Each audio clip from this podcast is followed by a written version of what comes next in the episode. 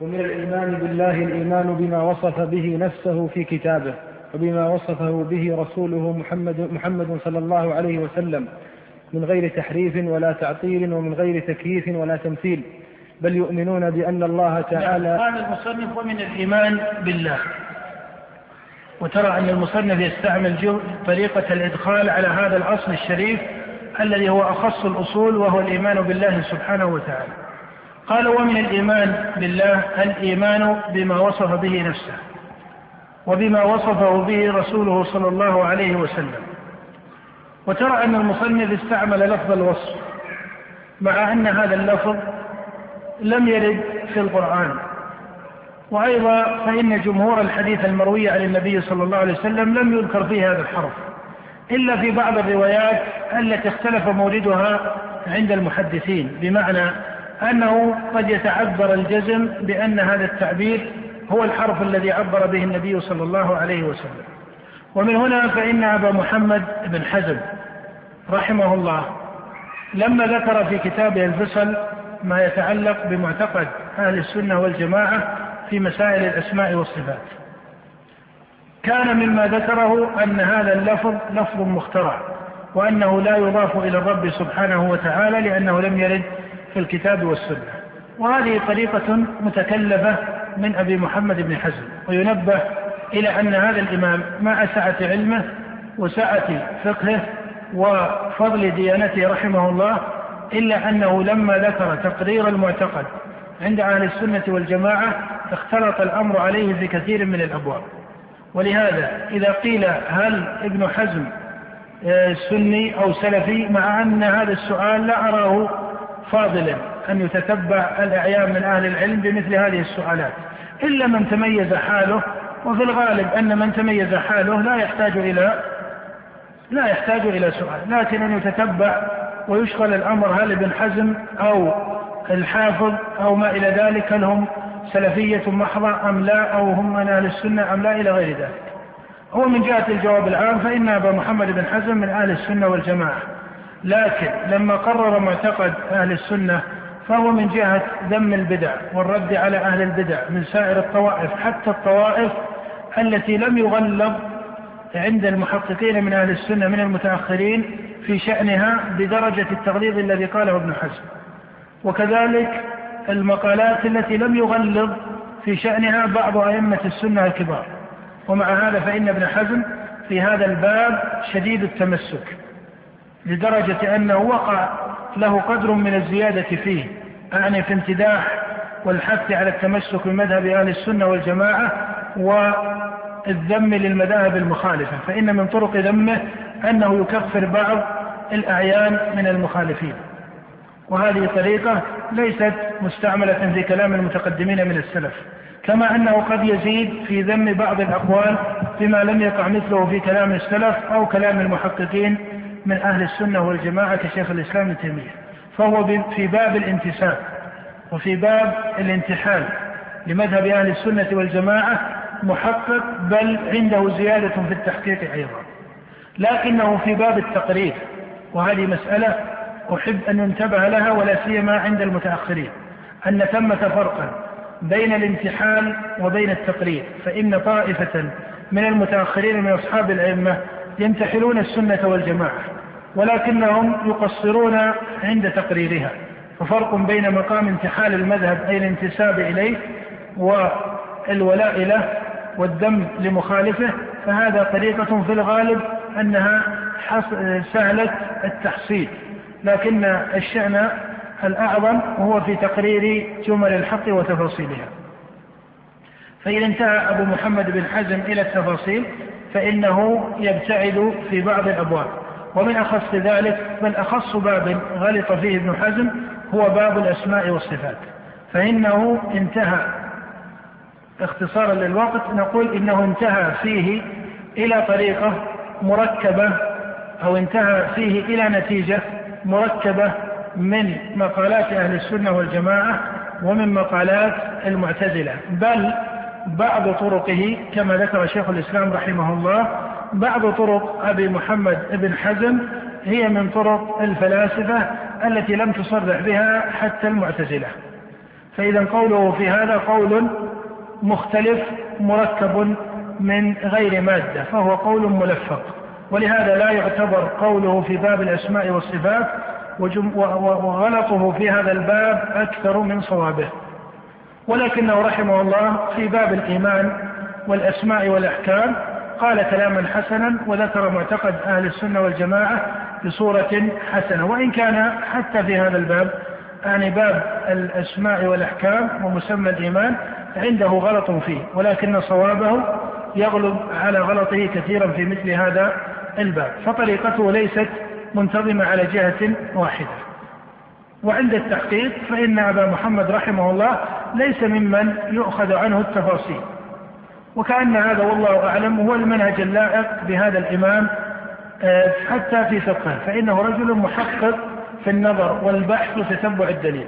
ولكن من جهة منهجه الفقهي فضلا عن منهجه العقدي فإنه يقع فيه تقصير كثير. ولهذا فإن من اعتبر منهجه رحمه الله على طريقة الاستفادة بعد النظر الفقهي أو النظر العقدي في أقوال السلف أو في أقوال الفقهاء من أصحاب المذاهب الأربعة وأئمة الاجتهاد من متقدم السلف فإنه يقع له استفادة فاضلة في كلام ابن حزم من تبيين بعض الأدلة أو التعليق عليها أو حسن الاستدلال أو حسن المعارضة أو ما إلى ذلك.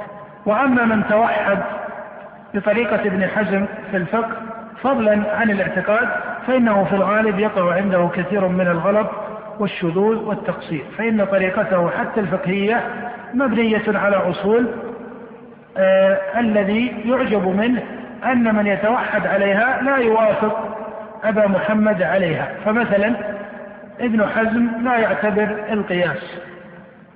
ومع ذلك فإن من يتوحد عند طريقته في الفقه لا بد أن يكون معتبرا لطريقته في إيش؟ في الأصول. لا بد أن يكون معتبرا لطريقته في الأصول. فإنه يرجح كثيرا من المسائل باعتبار أن الدليل المقول فيها عند الفقهاء هو وجه من القياس والقياس ليس معتبرا في الاستدلال عنده. فلا بد لمن وافقه على ترجيحه أن يكون في الجملة على مادته من جهة أن القياس ليس معتبرا في الاستدلال. هذا شأن عام ننبه إليه. فالمقصود أن المصنف قال ومن الإيمان بالله الإيمان بما وصف به نفسه. من أصول أهل السنة والجماعة أن الله سبحانه وتعالى موصوف بصفات الإثبات منزه أو موصوف بصفات الكمال منزه عن صفات النقص. وهذا الإثبات كما قال الإمام أحمد لا يوصف الله إلا بما وصف به نفسه أو وصفه به رسوله صلى الله عليه وسلم لا يتجاوز القرآن والحديث.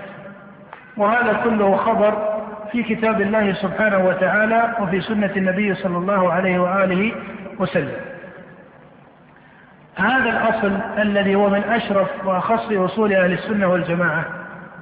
الأصل أنه أصل فطري باعتبار جمله الكلية وهو أيضا أصل عقلي باعتبار جمله الكلية وكثير من التفاصيل أيضا. وهو أصل مفصل باعتبار دليل السمع.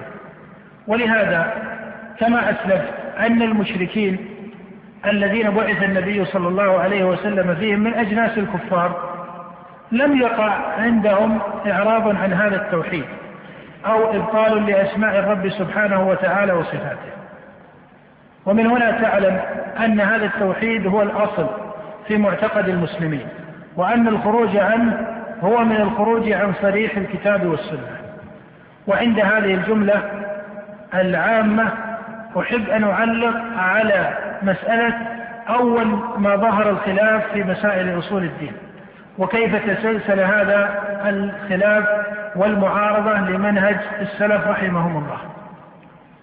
فيقال إن النبي عليه الصلاة والسلام لما توفي لم يقع بين المسلمين اختلاف في مسائل أصول الدين. نعم قد حدثت الردة وارتد كثير من قبائل العرب وقاتلهم الصديق في القتال المعروف بقتال المرتدين لكن لم يحدث نزاع في مسائل أصول الدين بين المسلمين لا في المدينة النبوية ولا في بوادي العرب. حتى جاءت خلافة عمر. وأسلمت كثير من البلاد التي لم تكن كالجزيرة العربية من جهة أنها أو أن أهلها قوم أميون ففتحت العراق وبلاد أخرى. فهذه الفتوح التي انتشرت أهلها كانوا أصحاب علم سابق وأصحاب نظر سابق وأصحاب ديانات سابقة. ومن هنا فإن هذه البلاد التي فتحت زمن عمر رضي الله تعالى عنه وامتد بعض الفتح في زمن أو بعض الفتوح في زمن عثمان وخلافته رضي الله عنهما. هذه البلاد وإن قيل إن أهلها أسلموا فإن هذا من جهة الجملة. فإن إسلامهم لا يستلزم أنهم أصبحوا من أهل الإيمان والتخطيط فإن الله قال عن العرب قالت الأعراب آمنا قل لم تؤمنوا ولكن قولوا أسلمنا. فأهل هذه البلاد أسلموا إسلاما عاما وكثير منهم صار من المؤمنين الصادقين ومن أولياء الله سبحانه وتعالى. لكن في كثير منهم تقصير وفسوق وظلم وغير ذلك. ومع هذا فكما ذكر شيخ الإسلام رحمه الله أن النفاق قد وجد في المدينة النبوية قال فإن النفاق العلمي قد ظهر في مثل هذه الأمصار. العراقية والشامية وغيرها التي فتحت زمن الخلافة الراشدة. فهذه الأمصار كثير من أهلها عندهم قدر من عدم التحقيق في هذه الأبواب الشرعية. وبما أن هذه البلاد آه، كان عندها شيء من الثقافات السابقة فإنك تعلم أن أعالي العراق وبلاد فارس كانت موطنا للفلسفات. فلسفات اليونان التي في أعالي العراق وفلسفات الفرس وفلسفات الهند وهي فلسفات متداخلة. هذه الفلسفات والأقوال والطرق بقي فيها شيء وبقي قوم على أصل دينهم وملتهم لم يدخلوا دين الإسلام إلى غير ذلك. فهذا الإسلام المقول والمعروف تاريخيا هو إسلام عام. لا ينكر لكن يقال إنه لا يعني التحقيق بل فيهم المقصر وفيهم الظالم وفيهم الفاسق وفيهم المنافق النفاق العلمي وما إلى ذلك. ومن هنا فإن أول نزاع حدث في مسائل أصول الدين هو نزاع الخوارج. لما خرجت الخوارج وكفرت مرتكب الكبيرة من المسلمين. ليس ثمة غرض في التعليق على قول الخوارج ولكن يقال إن الخوارج لم تأخذ هذه المقالة وهي القول بأن مرتكب الكبيرة كافر لم تأخذ هذه المقالة من ديانة سابقة أو نظرية من النظريات المعروفة بالديانات المخالفة لدين الإسلام أو حتى لدين المرسلين. بل هي مقولة دخلت على الخوارج يعني مقولة إن مرتكب الكبيرة كافر دخلت على الخوارج لموجبات أخصها الطعن في السنة النبوية حيث لم يعتبروا رواية الصحابة عن النبي صلى الله عليه وسلم. وكذلك عدم الفقه في كتاب الله سبحانه وتعالى. وإلا لو اعتبرت الخوارج الأولى القرآن فإن القرآن صريح في أن أهل الكبائر ليسوا كفارا. ألا ترى أن الله سبحانه وتعالى يقول في كتابه الزانية والزاني فاجلدوا كل واحد منهما مئة جلدة. ولو كان الزنا كفرا لكان حكمه في كتاب الله إيش؟ القتل لأنه من بدل دينه فاقتلوه. ألا ترى أن الله سبحانه وتعالى يقول في قتل العمد فمن عفي له من أخيه شيء فسوغ العفو فيه ومع ذلك جعل القاتل أخا ولم يسقط عنه حق الأخوة. ألا ترى أن الله يقول السارق والسارقة فاقطعوا أيديهما ولم يأمر بالقتل من باب الردة إلى غير ذلك. فنقول إن الخوارج ليسوا معذورين في مسألة السنة بل حتى القرآن وهذا من الأحكام العامة أنه لو فرض جدلا أن القوم من سائر الطوائف الخوارج أو آه، غيرهم لم تنضبط عندهم السنة كما ضبطت عند السلف فإن سائر الأصول التي ضلوا فيها محققة في كتاب الله سبحانه وتعالى. ألسنا نقول إن القول في الأسماء والصفات وفي القدر وفي الشفاعة وفي الإيمان ومسماه وفي الأسماء والأحكام وغيرها هي صريحة في كتاب الله وإن كانت صريحة في سنة النبي عليه الصلاة والسلام. فالمقصود أن مقولة الخوارج هي في هذا الوجه مع ما في نفوسهم من التحريم مع ما في نفوس الخوارج من التحريم والشدة فإنهم قوم فيهم شدة وتحريب طبعا. ولهذا فإن هذه الطباع لم يقيدوها بهدي الشارع. وهدي الشريعة جاءت بأن تكف النفوس عن طباعها. فإن النفوس تميل إلى هذا التحريف والله لما ذكر الإنسان من جهة جنسه قال وحملها الإنسان إنه كان ظلوما جهولا.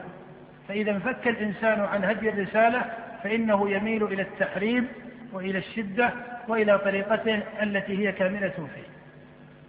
فهذا غلطهم ظهرت الشيعة في ذلك التاريخ وظهر ثلاث أصناف من الشيعة مفضلة لعلي لم تسب أبا بكر وعمر وظهرت الشيعة السابة وهؤلاء وهؤلاء نقول إنهم من أهل الأهواء وما إلى ذلك. ولكن ظهرت الشيعة المؤلهة لعلي بن أبي طالب وهذا القول كما أسلف أنه قول ليس له مورد من الاشتباه في النصوص أو في الإسلام أو في حقوق أهل البيت أو نحو ذلك.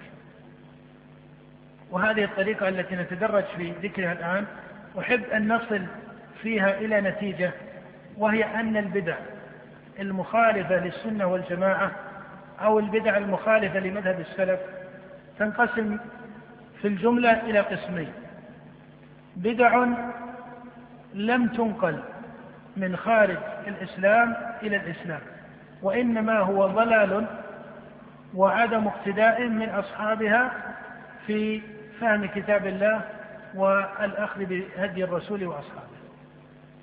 كبدعة الخوارج وجمهور بدع المرجئة ونحو ذلك.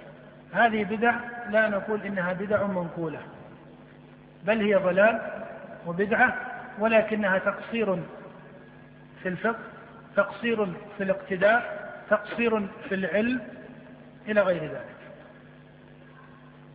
والقسم الثاني بدع ليس فيها أثارة من هدي الرسالة بل هي بدع منقولة وإن كان أصحابها لما نقلوها بما يظهرونه وينتسبون به إلى الإسلام استعملوا معها جملا من جمل القرآن الكلية. فليست البدع المخالفة وجها واحدا. وهذا يقودنا بعد ذلك إلى مسألة أحكامها. فالقسم الثاني هي بدع منقولة. كبدعة الشيعة المؤلهة لعلي بن أبي طالب. فإن هذه البدعة لا يجوز بل ولا يعقل أن يقال من أين اشتبه لهم هذا الأمر. وهؤلاء ليسوا مسلمين ولا من الإسلام ولا من اليهودية ولا من النصرانية في شيء. هؤلاء قوم نقلوا هذا من أحد المذاهب الفلسفية التناسقية الموجودة في بلاد فارس وهي موجودة إلى الآن في بلاد الهند. ولهذا ترى أن أصحابها ممن يميلون إلى هذا المذهب ينتحلون مثل هذا القول ومسألة تناسخ الأرواح نظرية مغرقة في التاريخ عند كثير من أهل المشرق من عبدة الأوثان الغالين في شركهم ووثنيتهم. ومن البدع التي ظهرت وحين نقول إنها بدع فباعتبار الاسم العام أي أنها حدثت أو بدعت واخترعت. بدعة القدرية الغلاة الذين قالوا إن الله سبحانه لا يعلم أفعال العباد إلا عند كونها فلم يثبت العلم السابق. فمن لم يثبت العلم السابق فهو ليس من الإسلام في شيء. وبدعته هذه بدعة منقولة. كان عليها طائفة من فلاسفة اليونان فيما إذا تكلموا في مسألة الواحد الأول وهل المعدوم يمكن العلم أو لا يمكن العلم؟ فتجد أنهم يقولون إن المعدوم شيء لا يمكن العلم به إلى آخره. المقصود كنتيجة أن بدعة القدرية الغالية هي من بدع الزنادقة المحضة. وأصحابها كفار بإجماع أهل السنة والجماعة بل وبإجماع المسلمين حتى القدرية منهم وهذا من طريف الحال فإن أئمة القدرية من غير الغلاة هم المعتزلة أليس كذلك؟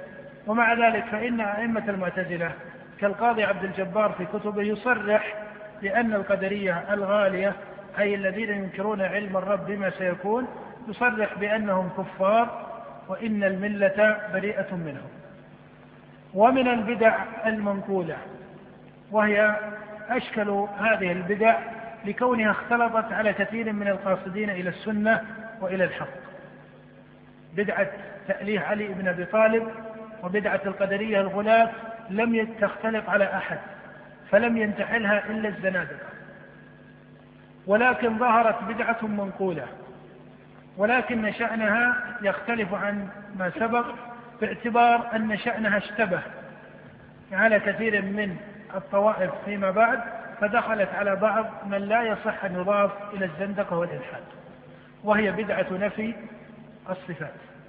هذه البدعة لا أصل لها في كتاب الله ولا في سنة نبيه صلى الله عليه وسلم بل يقال إنها لا أصل لها حتى في العقل وإنما هي نظرية منقولة نقلها أئمة النظار الذين حدثوا في الدولة الإسلامية الأموية إذ ذاك أحدثها النظار وهي عبارة عن نظرية منقولة من الفلسفة اليونانية وبخاصة من فلسفة أرسطو طاليس وإذا قرأت فلسفته وجدت أنها تنتهي إلى نفس الطريقة التي يذكرها الجهم والجعد ومن بعدهم أبو الهذيل العلاف وإبراهيم بن سيار النظام وأمثال هؤلاء من أئمة النظر من الجهمية والمعتزلة. ومن هنا ذكر شيخ الإسلام ابن تيمية رحمه الله قولا في درء تعارض العقل والنقل يقول إن سائر البدع التي حدثت بين أهل القبلة يقع عند أصحابها استدلال بالكتاب والسنة واشتباه في بعض مواردها إلا بدعة الجهمية. ولهذا كان من فقه بعض المتقدمين من السلف كابن المبارك أنه أخرج الجهمية عن أهل القبلة. وهذا لا يلزم منه أن عبد الله بن المبارك رحمه الله يرى أن كل من وقع له قول من أقوال الجهمية وقال به أنه لا يضاف إلى أهل القبلة ولا يضاف إلى المسلمين. بل هذا من تحقيقه أن هذه البدعة بدعة دخلت على المسلمين من مذهب وثني كافر بمسائل الربوبية فضلا عن الألوهية. ولهذا لما جاء من صرح بمسائل نفي الصفات وهو ابن سينا وأبو نصر الفارابي لما جاء المصرحون بهذا المذهب بعد أن كان المتكلمون يجملون هذا القول ولا يصرحون بالانتساب لأئمة الفلاسفة اليونان لما جاء المصرحون بهذا المذهب في القرن الرابع وما بعده وجاء أبو الوليد بن رشد مع فقهه وانتسابه للشريعة لكنه انتحل طريقة الفلسفة المحضة. صرحوا بأن نفي الصفات على هذه الطريقة التجريدية هي الطريقة التي كان يذكرها أرسطو في كتبه. فإذا هذا مذهب منقول. ولهذا نقول وكأن هذا من التعليق على آه، ما سبق القول فيه في المجلس الأول في مسألة فهم السلف الصالح حين قلنا إن هذا القيد قيد حسن بياني لكنه من قال إنه على الكتاب والسنة وهو يعرف أنه من أصحاب السنة والجماعة لا يستدرك عليه. من قال إنه في معتقده على الكتاب والسنة وسكت عند هذه الجملة فهذا لا يصح أن يستدرك عليه ويقال إنه لم يذكر الجملة الثالثة وهي فهم السلف الصالح إلا كما أسلفت. إذا كان المقام يستوجب ذلك كالبيان في مقام خاص أو كان القائل لهذا الكلام يعرف عنه إسقاط فهم السلف أو إسقاط الإجماع. وإلا فإنا لو استدركنا هذا الاستدراك لا استدركنا على جمهور الأئمة المتقدمين. فإنك ترى أنه يقع في كلامهم أن السنة هي الكتاب أن أن طريقتهم هي الأخذ بالسنة أي لا يصرحون بمسألة الإجماع. تارة يذكرونه وتارة يسكتون عنه وما إلى ذلك لأن ثمة تلازما. فإن من قال إنه على الكتاب فإنه إن لم يعتبر السنة فإنه لم يعتبر الكتاب. كما قال الله عن المشركين قل إن كنتم تحبون الله إيش؟ فاتبعوني يحببكم الله. وترى أن النبي صلى الله عليه وسلم وهو في خطبة الوداع التي شهدها الخاصة والعامة يقول وقد تركت فيكم ما إن اعتصمتم لن تضلوا بعده كتاب الله. ولا يصح لأحد أن يقول لماذا لم تذكر السنة؟ ومثل إذا قيل الكتاب والسنة وهلم جرا فالقصد أن هذا كلام شريف يعني التعليق على فهم السلف الصالح لكنه من الأمور البيانية التي لا تلزم إلا إذا قام موجبها. القصد أن بدعة نفي الصفات بدعة منقولة ولهذا يتعامل معها على أنها من منكر القول وزوره. ونقول إن الذين نظروا هذه البدعة فإنك تعلم أن هذه البدعة أحدثها الجعد والجهم وأمثالهما. وإذا قيل إن الجعد والجهم فهذا باعتبار العلم التاريخي. أن أول من نقلت عنه هذه البدعة هو الجهم والجعد وإن كان قد يكون في عصرهم أو قبلهم بشيء يسير من تكلم بها ممن لم ينضبط النقل عنه.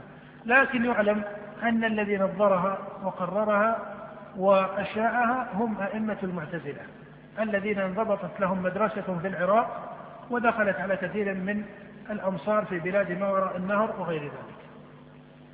مع هذا يقال إن المعتزلة فضلا عن الجهمية الغالية الذين ينفون الأسماء والصفات. لم يقع لهم في كتبهم أنهم اعتبروا نفي صفة من الصفات بآية من كتاب الله فضلا عن حديث من سنة النبي عليه الصلاة والسلام. بل نفيهم للأسماء والصفات أو نفي المعتزلة للصفات كله معتبر بما يسمى دليل العقل وهو دليل الأعراض هذا الدليل لا أحب أن أستفصل فيه لكن أقول إنه عبارة عن نظرية مولدة على أحسن تقدير. وما معنى هذا الكلام؟ أن هذا الدليل إذا نظرت فيه وجدت أنه مركب من جمل شرعية عامة جمل عقلية عامة. لكن هذه الجمل العقلية الكلية أو الجمل الشرعية الكلية لا تؤثر في نتيجة هذا الدليل. إنما المؤثر في نتيجة هذا الدليل هو القسم الثاني منه وهي المقدمات الفلسفية التفصيلية. هذه المقدمات متلقاة عن أرسطو أو عن غيره هذه مسألة لا نعنى بها كثيرا. المهم أن هذا الدليل دليل الأعراض دليل منقول. ولنا أن نقول من باب الاختصار أن الذين تكلموا في نفي صفات الرب سبحانه وتعالى إما من الجهمية والمعتزلة وإما من الفلاسفة المحضة كابن سينا وابن رشد وأمثالهم وإما في نفي ما هو من الصفات وإما في نفي ما هو من الصفات كمتكلمة الصفاتية من الأشعرية وغيرهم. فإن هذه الطوائف ولك أن تقول فإن سائر الطوائف التي نفت الصفات هي ترجع إلى ثلاثة من الأدلة الفلسفية الكلية. الدليل الأول ما يسمونه دليل الأعراض وهو أشهر هذه الأدلة والدليل وهذا هو المستعمل عند جمهور المعتزلة وجمهور متكلمة الصفاتية. الدليل الثاني وهو دليل التركيب وهو الغالب على طرق الفلاسفة كابن سينا وابن رشد. الدليل الثالث دليل التخصيص وقد انتحله بعض المتأخرين المتكلمة الصفاتية كأبي المعالي الجويني ونحوه. بل من العلم الذي يعلم آه، أو ينبغي العلم به في إدراك حقيقة هذه البدعة وإنما نعنى بإدراك حقيقتها لأن إذا أدركنا حقيقتها على التمام والتفصيل استغنينا عن مسألة الردود إيش؟ استغنينا عن مسألة إيش؟ الردود المفصلة. استغنينا عن مسألة الردود المفصلة. بل من طريف الحال ومما ينبغي العلم به أن دليل الأعراض ليس فقط الذي استدل به نفاة الصفات بل حتى المشبهة من المتكلمين قد استدلوا به. فإن المتكلمين وإن كان جمهورهم معطلة نافية للصفات إلا أن خلقا منهم على طريقة التشبيه والتمثيل. وتعلم أن محمد بن كرام المجسم هو كان من أرباب علم الكلام وممن يعتبر دليل الأعراض فإذا مدار أقوال المجسمة بل وحتى المشبهة كهشام بن الحكم وأمثاله من متقدمة الشيعة الرافضة مدار أقوال المشبهة والمجسمة وكذلك المعطلة من نفاة الصفات أو ما هو منها مداره على دليل الأعراض في الجملة. ومتفلسفتهم يستعملون دليل التركيب وبعض متأخريهم يستعملون دليل التخصيص. فإذا هذا دليل فلسفي باعتبار جوهره وإن كان فيه جمل عقلية كلية أو فيه جمل شرعية كلية. فإن قال قائل وما هي الجمل الشرعية التي تطرأ في مثل هذه السياقات؟ قيل مثل قول الله تعالى ليس كمثله شيء فإن هذه جملة كلية يستعملها معطلة الصفات في مثل هذا الدليل. وأما تفاصيل الدليل وحقيقته فإنه مقدمات فلسفية منقولة. ولهذا باختصار لنا أن نقول إن علم الكلام وإن لم يكن فلسفة محضة وهذا من باب الضبط العلمي أنه ليس فلسفة محضة بل فيه جمل من الشريعة وفيه جمل من العقل. فهو ليس فلسفة محضة ولهذا ترى أن أصحابه تأولوا الشريعة والنصوص إليه. لكنه مولد من الفلسفة. وما فيه من الجمل العقلية أو الشرعية فإنها ليست مؤثرة في الجملة في نتائجه. وإنما نتائج هذا العلم من نفي صفات الرب سبحانه وتعالى وأمثال ذلك هي معتبرة بالمقدمات الفلسفية. ولا يعترض معترض بأن أئمة النظار كثير من أئمة المعتزلة كانوا يردون على الفلاسفة بمسألة قدم العالم وغيرها. فلا شك أن المتكلمين لهم ردود مشهورة على الفلاسفة لكنهم وإن ردوا عليهم إلا أنهم قد انتحلوا كثيرا من مادتهم وأصولهم. فإذا هذه البدعة ليس لها أصل في نصوص الأنبياء. فإن قال قائل إن إذا نظرنا كتب المعتزلة وجدنا أنهم يستدلون على نفي الصفات بشيء من مفصل النصوص. كقول الله تعالى في الرؤية لا تدركه الأبصار وهو يدرك الأبصار. وقوله ولما جاء موسى لميقاتنا وكلمه ربه قال رب أرني أنظر إليك قال لن تراني. نقول القاعدة السالفة على وجهها أن المعتزلة لا تستدل على قول من أقوالها بالصفات بمفصل النصوص. وأما القول في هذين الدليلين فإنه يقال إن المعتزلة تعتقد وتقرر في مذهبها أن رؤية الله سبحانه وتعالى ممتنعة. والنصوص دعك من القول إن لأهل السنة جوابا عن استدلالهم كالقول بأن الإدراك ليس هو الرؤية وأنه قدر زائد على الرؤية أو القول بأن لن في ذكر موسى لا تقتضي تأبيد النفي إلى غير ذلك من الطرق التي يأتي ذكرها في هذه المسألة بتفصيلها. لكن نقول لو سلمنا جدلا لو سلمنا جدلا أن قوله لا تدركه الأبصار بمعنى لا تراه إيش؟ الأبصار وأن هذا في الدنيا والآخرة. لو سلمنا جدلا هذا المعنى. هل هذا المعنى هو مذهب المعتزلة؟ الجواب لا. لما؟ لأن المعتزلة عندهم مذهب زائد عليه. هذا الزائد يستلزم هذا الأصل وما فوقه. بمعنى أن هذه الآية لو سلمنا جدلا أنها تقتضي نفي الرؤية على الإطلاق. فإنها ليس فيها إلا نفي الرؤية. والمعتزلة تقول إن الرؤية ممتنعة وتعلم أن الشيء المنفي يبقى غيبا. هل هو نفي لامتناعه أم أنه نفي لعدم إرادة الله له أو لعدم قيام سببه؟ أليس كذلك؟ فإذا هل النفي يلزم منه أن الشيء ممتنع؟ يلزم أو لا يلزم؟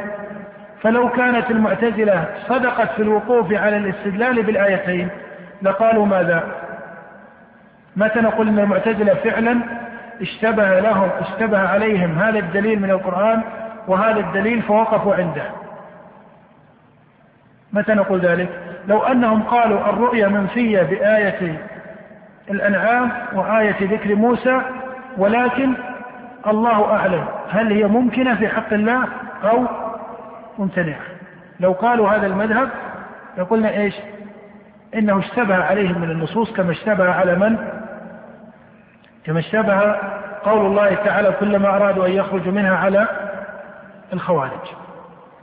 لكن المعتزلة تكفر في كتبها من يعتقد أن الرؤيا ممكنة وإن قال بإيش؟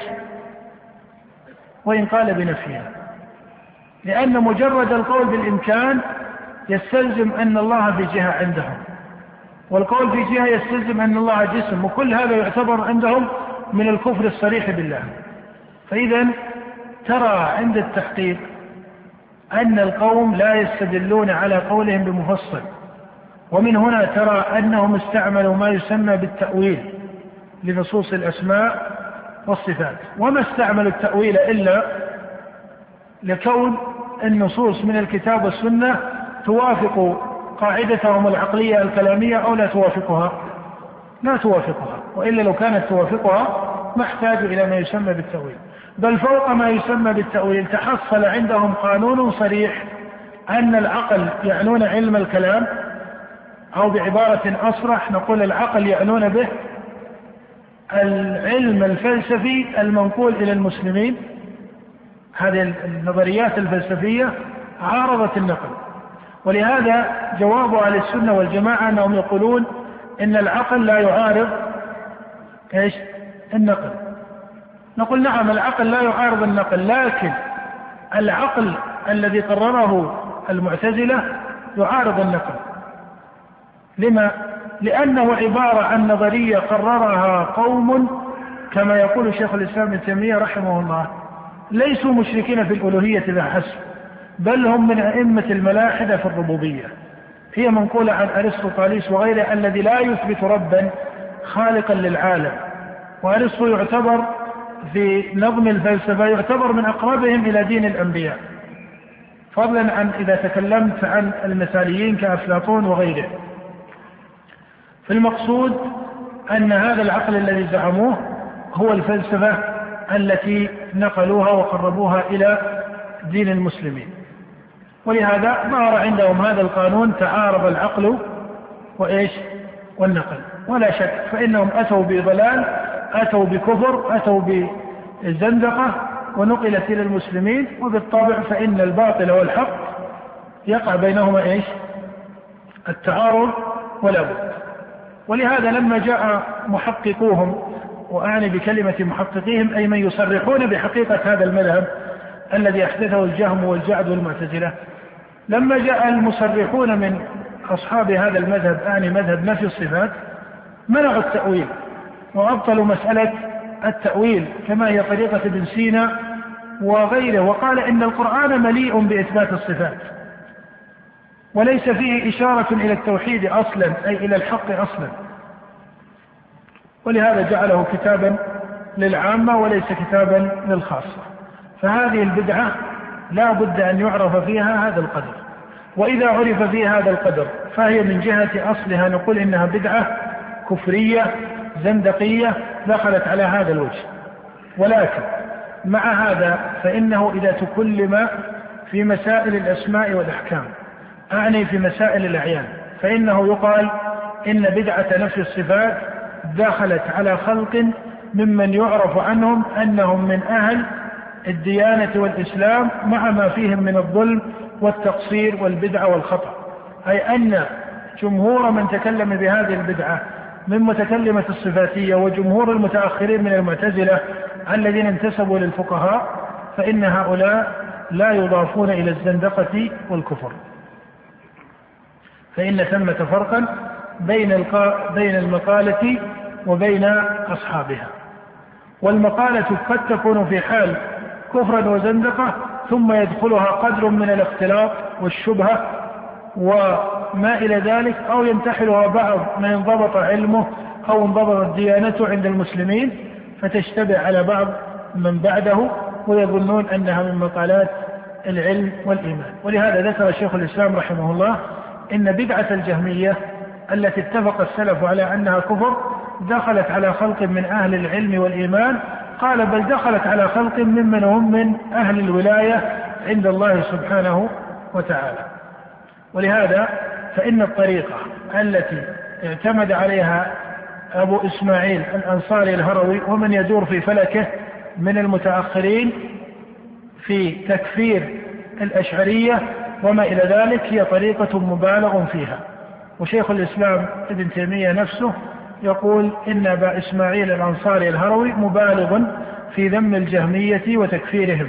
وهذا إذا كان في الجهمية فمن باب أولى قوله في الأشعرية مع أن الهروي نفسه على كثير من فضائله عنده بدع لو أخذ بها على منهجه لربما لزمه ما يقارب الحكم الذي ألزم به الأشعرية. قال المصنف رحمه الله تعالى وبما وصفه به رسوله محمد صلى الله عليه وسلم. من غير تحريف ولا تعطيل ومن غير تكييف ولا تمثيل. بل يؤمنون بأن الله تعالى لله رب العالمين صلى الله وسلم على نبينا محمد وآله وأصحابه أجمعين. المصنف رحمه الله لما بين في مقدم رسالته أن معتقد أهل السنة والجماعة هو الإيمان بالله وملائكته وكتبه ورسله واليوم الآخر والقدر خيره وشره. ثم أبان بعد هذا جملا مفصلة تدخل في هذه الأصول الشرعية وابتدأ بذكر مسألة الأسماء والصفات. وإنما ابتدأ المصنف بذكر هذه المسألة فقال ومن الإيمان بالله الإيمان بما وصف به نفسه وبما وصفه به رسوله محمد صلى الله عليه وسلم من غير تحريف ولا تعطيل ومن غير تكييف ولا تمثيل. فترى أن المصنف هنا لما ذكر أصول الإيمان الستة التي هي مبنى معتقد أهل السنة والجماعة ابتدأ عند التفصيل بذكر مسألة الصفات. وقد يقول قائل لما المصنف لم يبدأ بذكر مسألة توحيد العبادة؟ فهنا جواب مجمل عن طريقة المصنف وهي أن مراده بهذه الرسالة التمييز لمعتقد أهل السنة والجماعة عن غيرهم. وإنما ذكر هذه المسألة يعني مسألة الأسماء والصفات لأنها من جهة مناطها فيها قدر واسع من النزاع بين طوائف المسلمين. وحين يقال إنه إن هذه المسألة من جهة مناطها فيها قدر من النزاع بين جملة من طوائف المسلمين فإنما علق النزاع بمناط هذه المسألة الشريفة وهي مسألة الأسماء والصفات. وهذا يعني أن مبدأها الكلي ليس فيه خلاف بين المسلمين من جهة أن الله سبحانه وتعالى مستحق للكمال وأنه منزه عن النقص. فإن باب الأسماء والصفات محصله إثبات الكمال المطلق لله سبحانه وتعالى والتنزيه له سبحانه وتعالى عما لا يليق به. فهذا القدر الكلي متفق عليه بين سائر طوائف المسلمين.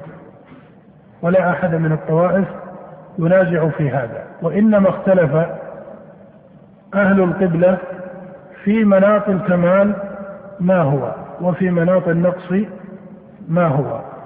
وعن هذا تفرع نفي الصفات عند المعتزلة ونفي جملة من الصفات وأخص ذلك ما يتعلق بصفات الأفعال عند متكلمة الصفاتية كعبد الله بن كلاب وأتباعه وأبي الحسن الأشعري وأتباعه وأبي منصور الماتريدي وأتباعه وعن هذا المناط الكلي تحصل مذهب أهل السنة والجماعة المثبت لأسماء الرب سبحانه وتعالى وسائر صفاته التي ثبتت في الكتاب والسنة.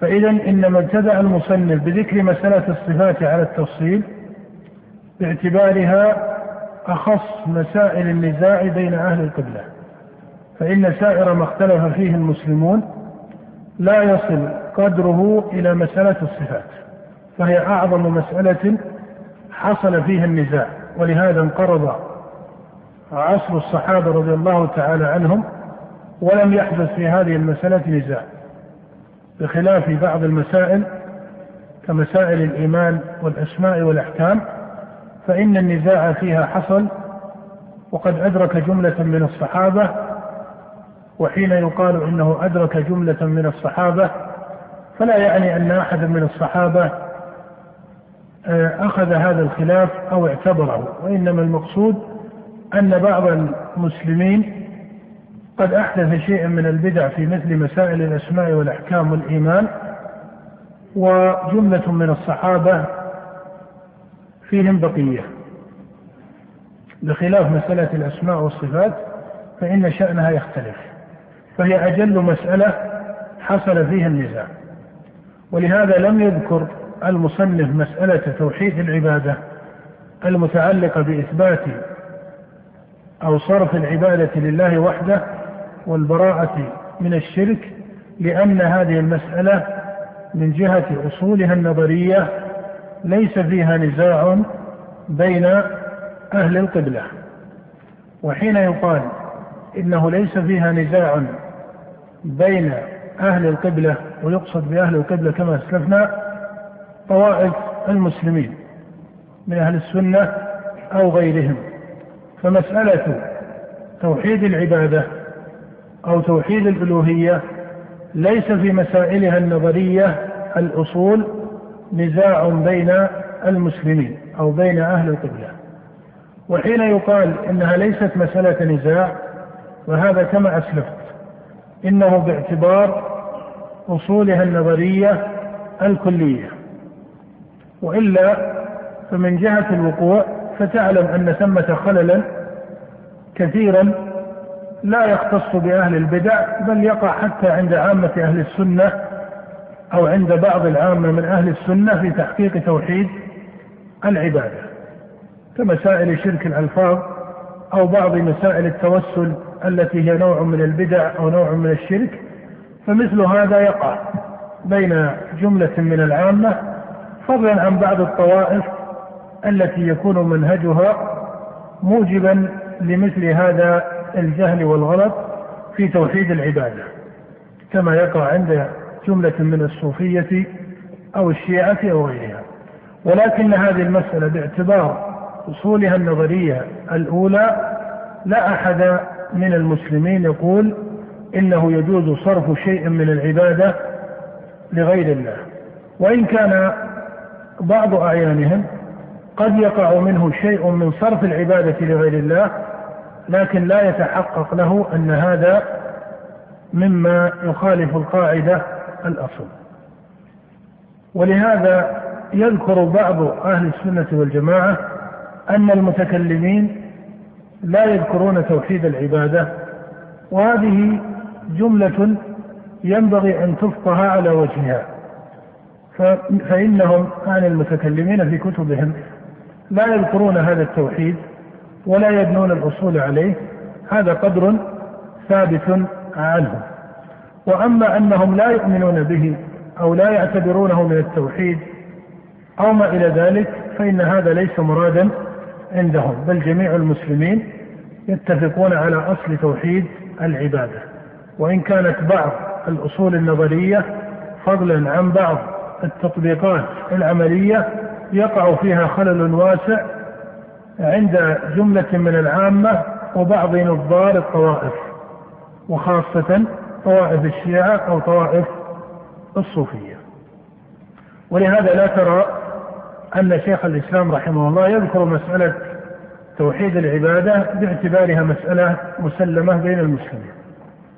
وأما مسألة الصفات فكما أسلفت أن النزاع حصل في مناطها وإلا هي من جهة أصلها الذي هو إثبات الكمال لله هي محل اتفاق. ثم قال المصنف رحمه الله وبما وصفه به رسوله صلى الله عليه وسلم وترى أن هذا السياق من المصنف هو في باب الإثبات. فإنه قال ومن الإيمان بالله الإيمان بما وصف به نفسه وبما وصفه به رسوله محمد صلى الله عليه وسلم وهذه قاعدة مضطردة عند أهل السنة والحديث أن الإثبات معتبر بمورد النص المفصل أن الإثبات لشيء من أسماء الرب سبحانه وتعالى أو صفاته لا بد أن يكون مبنيا على دليل مثبت له إما من كتاب الله وإما من سنة النبي صلى الله عليه وآله وسلم. ولا بد للناظر في مسائل الأسماء والصفات أن يعرف فرقا عند أهل السنة والجماعة بين مورد الإثبات ومورد النفي. فإن إذا ذكرنا الإثبات للأسماء والصفات قلنا إنه مبني على مفصل النصوص. فلا يثبت اسم من الأسماء ولا صفة من الصفات إلا وقد ثبتت وجاءت بها النصوص إما مطابقة وإما تضمنا. إما مطابقة وإما تضمنا. وحين نقول إما مطابقة فهذا قدر واضح وهو التصريح بالصفة كالرحمة أو العلم أو السمع أو التصريح بالاسم كالعليم والسميع والبصير. وإما تضمنا وهذا يفيد باب الإخبار عن الرب سبحانه وتعالى الذي يقول فيه أهل السنة إن باب الإخبار أوسع من باب الأسماء. فهذا أعني باب الأخبار أو باب الإخبار ولك أن تقول أن تقول هذا وهذا. والثاني أقرب باب الإخبار هو مبني على النصوص المفصلة من جهة المطابقة أو التضمن. من جهة التضمن. ولهذا إذا قال قائل كيف يقال إن باب الإثبات مبني على النصوص مع أن أهل السنة يتوسعون في باب الإخبار أو أحيانا يفرقون بين باب الأسماء وباب الإخبار عن الرب سبحانه وتعالى. فيقال إن باب الإثبات مبني على النصوص المفصلة ولكن تعلم أن دلالة النصوص قد تكون مطابقة وهذا ما يصرح به في الأسماء كالسميع والبصير ونحوها أو في الصفات كالسمع والبصر والرحمة والعلم أو يقع أو تقع الدلالة تضمنا وهذا يفيد ما يسمى بباب الأخبار. ولهذا يخبر عن الرب سبحانه وتعالى ببعض الأفعال وبعض الإضافات التي هي على طريقة الأسماء في اللغة الإضافية وإن كان هذا الاسم الإضافي لم ترد به النصوص على التصريح فيقال إن هذا ليس من الأسماء الحسنى وإنما هو إيش؟ وإنما هو من باب الإخبار. فيقال أو إذا قيل من أين جاء الدليل آه على الإخبار قيل هذا دلت عليه النصوص من الصفات تضمنا. وقد يؤخذ هذا التضمن من صفة واحدة وقد يكون هذا المعنى الإخباري أخذ تضمنا من أكثر من إيش؟ من أكثر من من أكثر من صفة أو أكثر من اسم وهنا تكون النتيجة معنا أن باب الإثبات للأسماء والصفات أو الإخبار عن ذلك مبني على مورد إيش؟ النصوص إما مطابقة وهو ما يسمى صفة واسما وإما تضمنا وهو ما يسمى عند مصطلح أهل السنة باب الإخبار. وهذا مصطلح فيه قدر من التأخر وإن كان ذكره الشيخ أبو عثمان الصابوني رحمه الله جماعة وذكره الإمام ابن تيمية من بعد. المهم أن باب الإثبات مبني على النص فإن كان مطابقة قيل هو اسم أو صفة بحسب مورده وإن كان تضمنا فهو باب من الخبر الذي قد يكون محصلا من اسم واحد أو صفة واحدة وقد يكون محصلا من أكثر من ذلك. ومن هنا ترى أن الدارمي رحمه الله ذكر صفة أو ذكر الحركة من باب الإخبار عن الله. وهذا لفظ فيه قدر من النزاع من جهة كونه لفظا آه، هل هو يمكن أن يدخل في باب الإخبار أو لا يمكن أن يدخل في ذلك. ولهذا يقال إن باب الإخبار قد يقع في بعض إطلاقاته أو بعض حروفه قدر من التردد بين الأئمة. فهذا لا ينبغي أن يشكل على معتقد أهل السنة والجماعة وليس هو من باب الخلاف بينهم في الصفات. فإنما صرحت به النصوص من اسم أو صفة فإنهم مجمعون عليه. وأما باب الإخبار فكما ترى أنه محصل من جهة دلالة إيش؟ التضمن. فقد يكون هذا التحصيل فيه قدر من النزاع. وقد يكون اللفظ الذي أريد للمعنى المحصل قد يكون اللفظ فيه قدر من التردد. ولهذا لا عجب أن يقع بين جملة من أهل السنة قدر من التردد في هذا ولا سيما لما اشتغل كثير من المتأخرين بهذا الباب أعني باب الإخبار. فتوسع أمثال ابن مندى رحمه الله في كتاب الأسماء والصفات توسع في هذا الباب ومثله البيهقي لما توسع في هذا الباب في كتابه الاعتقاد أو ابن مندى في كتاب الإيمان أو كتاب التوحيد. حصل منهم قدر من التوسع في بعض هذه المسائل. ولهذا ترى أن أمثال ابن مندى رحمه الله يتوسع في ذكر أسماء الرب سبحانه وتعالى وصفاته. وأنبه إلى أن شيخ الإسلام رحمه الله أحيانا يستعمل لفظ الاسم على مورد الخبر. فهنا لا يقال أن شيخ الإسلام يجعل هذا المورد من الأسماء الحسنى. فإنه ربما قال وعند جمهور أهل السنة أن الله يسمى كذا. مع أن هذا الاسم الذي أورده بمثل هذا السياق لا ترى أن النصوص جاءت به على التصريح.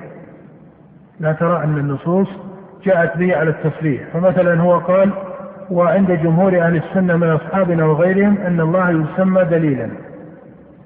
فهذا ليس من باب أن الإمام ابن تيمية يجعل الدليل من الأسماء الحسنى التي هي على سياق السميع والعزيز والحكيم إلى غير ذلك. وإنما يسمى في مثل هذا السياق لشيخ الإسلام بمعنى أنه يخبر عنه بذلك. وتعلم أن الألفاظ مشتركة فإنك لك أن تقول في سائر الأسماء والصفات إنها خبر عن الله فإن هذا باب فيه لفظ مشترك واسع. هذا من جهة باب الإثبات. أما باب النفي فإنه ينبغي أن يفقه فيه قاعدة وهي أن نفي النقص أو التنزيه للباري سبحانه وتعالى عما لا يليق به. هل هو مبني على مورد النصوص أم أنه ليس مبنيا على مورد النصوص؟ نقول الجواب عن هذا السؤال يقع باعتبار المراد لهذه الجملة.